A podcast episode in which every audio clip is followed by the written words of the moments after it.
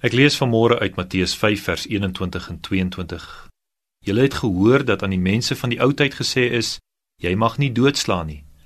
Maar elkeen wat doodslaan, moet verantwoording doen voor die reg. Maar ek sê vir julle dat elkeen wat vir sy broer sonder rede kwaad is, verantwoording moet doen voor die reg. En elkeen wat vir sy broeder sê raka, moet verantwoording doen voor die groot raad. En elkeen wat sê jou dwaas, moet verantwoording doen in die helse vuur. Nou in die volgende paar dae se oggendgedagtes wil ons saam luister na hierdie uitspraak van Jesus in die bergrede.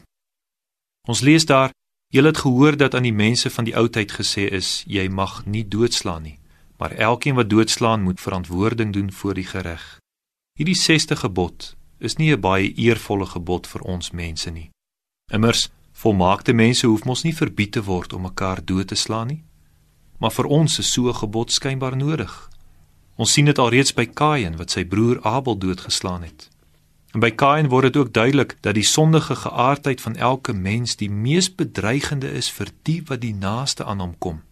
En hoe dikwels sien ons dit nie? Mense maak diegene die seerste wat die naaste aan hulle is. Ons naaste, en besonder ons naaste naaste, is nie veilig by ons nie. God het ons naaste daarom ook nie aan ons oorgelaat nie. Nee, Hy het die naaste onder die beskerming van die wet geplaas. Jy mag nie doodslaan nie. Die kroon van God se skepping, die mens, word in hierdie gebod uitgeroep tot beskermde spesies.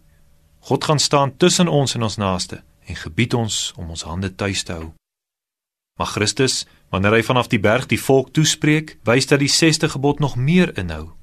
Hy sê dat selfs elkeen wat sonder rede vir sy broer kwaad is, tereg moet staan. En dis nie sommer 'n algemene uitspraak nie. Nee, ons sien dat Jesus dit vervolgens toespits met twee voorbeelde. Wie in toorn vir sy broer sê raka wat beteken leeghoof, hy moet tereg staan voor die groot raad. Vir die Jode moes dit 'n verregaande uitspraak gewees het. Immers die Sanhedrin, die hoogste regshof in Israel, kon selfs moordsake oorlaat aan kleiner plaaslike regbanke. Hoe absurd is dit dan dat 'n mens vir 'n een eenvoudige skelwoord by die hoogste hof in Jerusalem sou beland? En die tweede voorbeeld is net so vreemd. Wie sy broer 'n dwaas of 'n domkop noem, verdien die helse vuur. Ja, moordenaars in Israel het deur middel van steniging die aardse dood verdien. Maar moet 'n mens dan nou vir 'n een eenvoudige skelwoord die ewige dood ontvang? Met behulp van hierdie skokkende uitsprake laat Jesus die mense voel hoe swaar liefdelose gedrag teenoor die naaste vir God weeg. Dikwels dink ons dat dit nie so erg is as jy die ander net so bietjie seermaak, net so effens beskadig nie. Dit is ten minste daarom nog nie moord nie, net 'n ou grappie.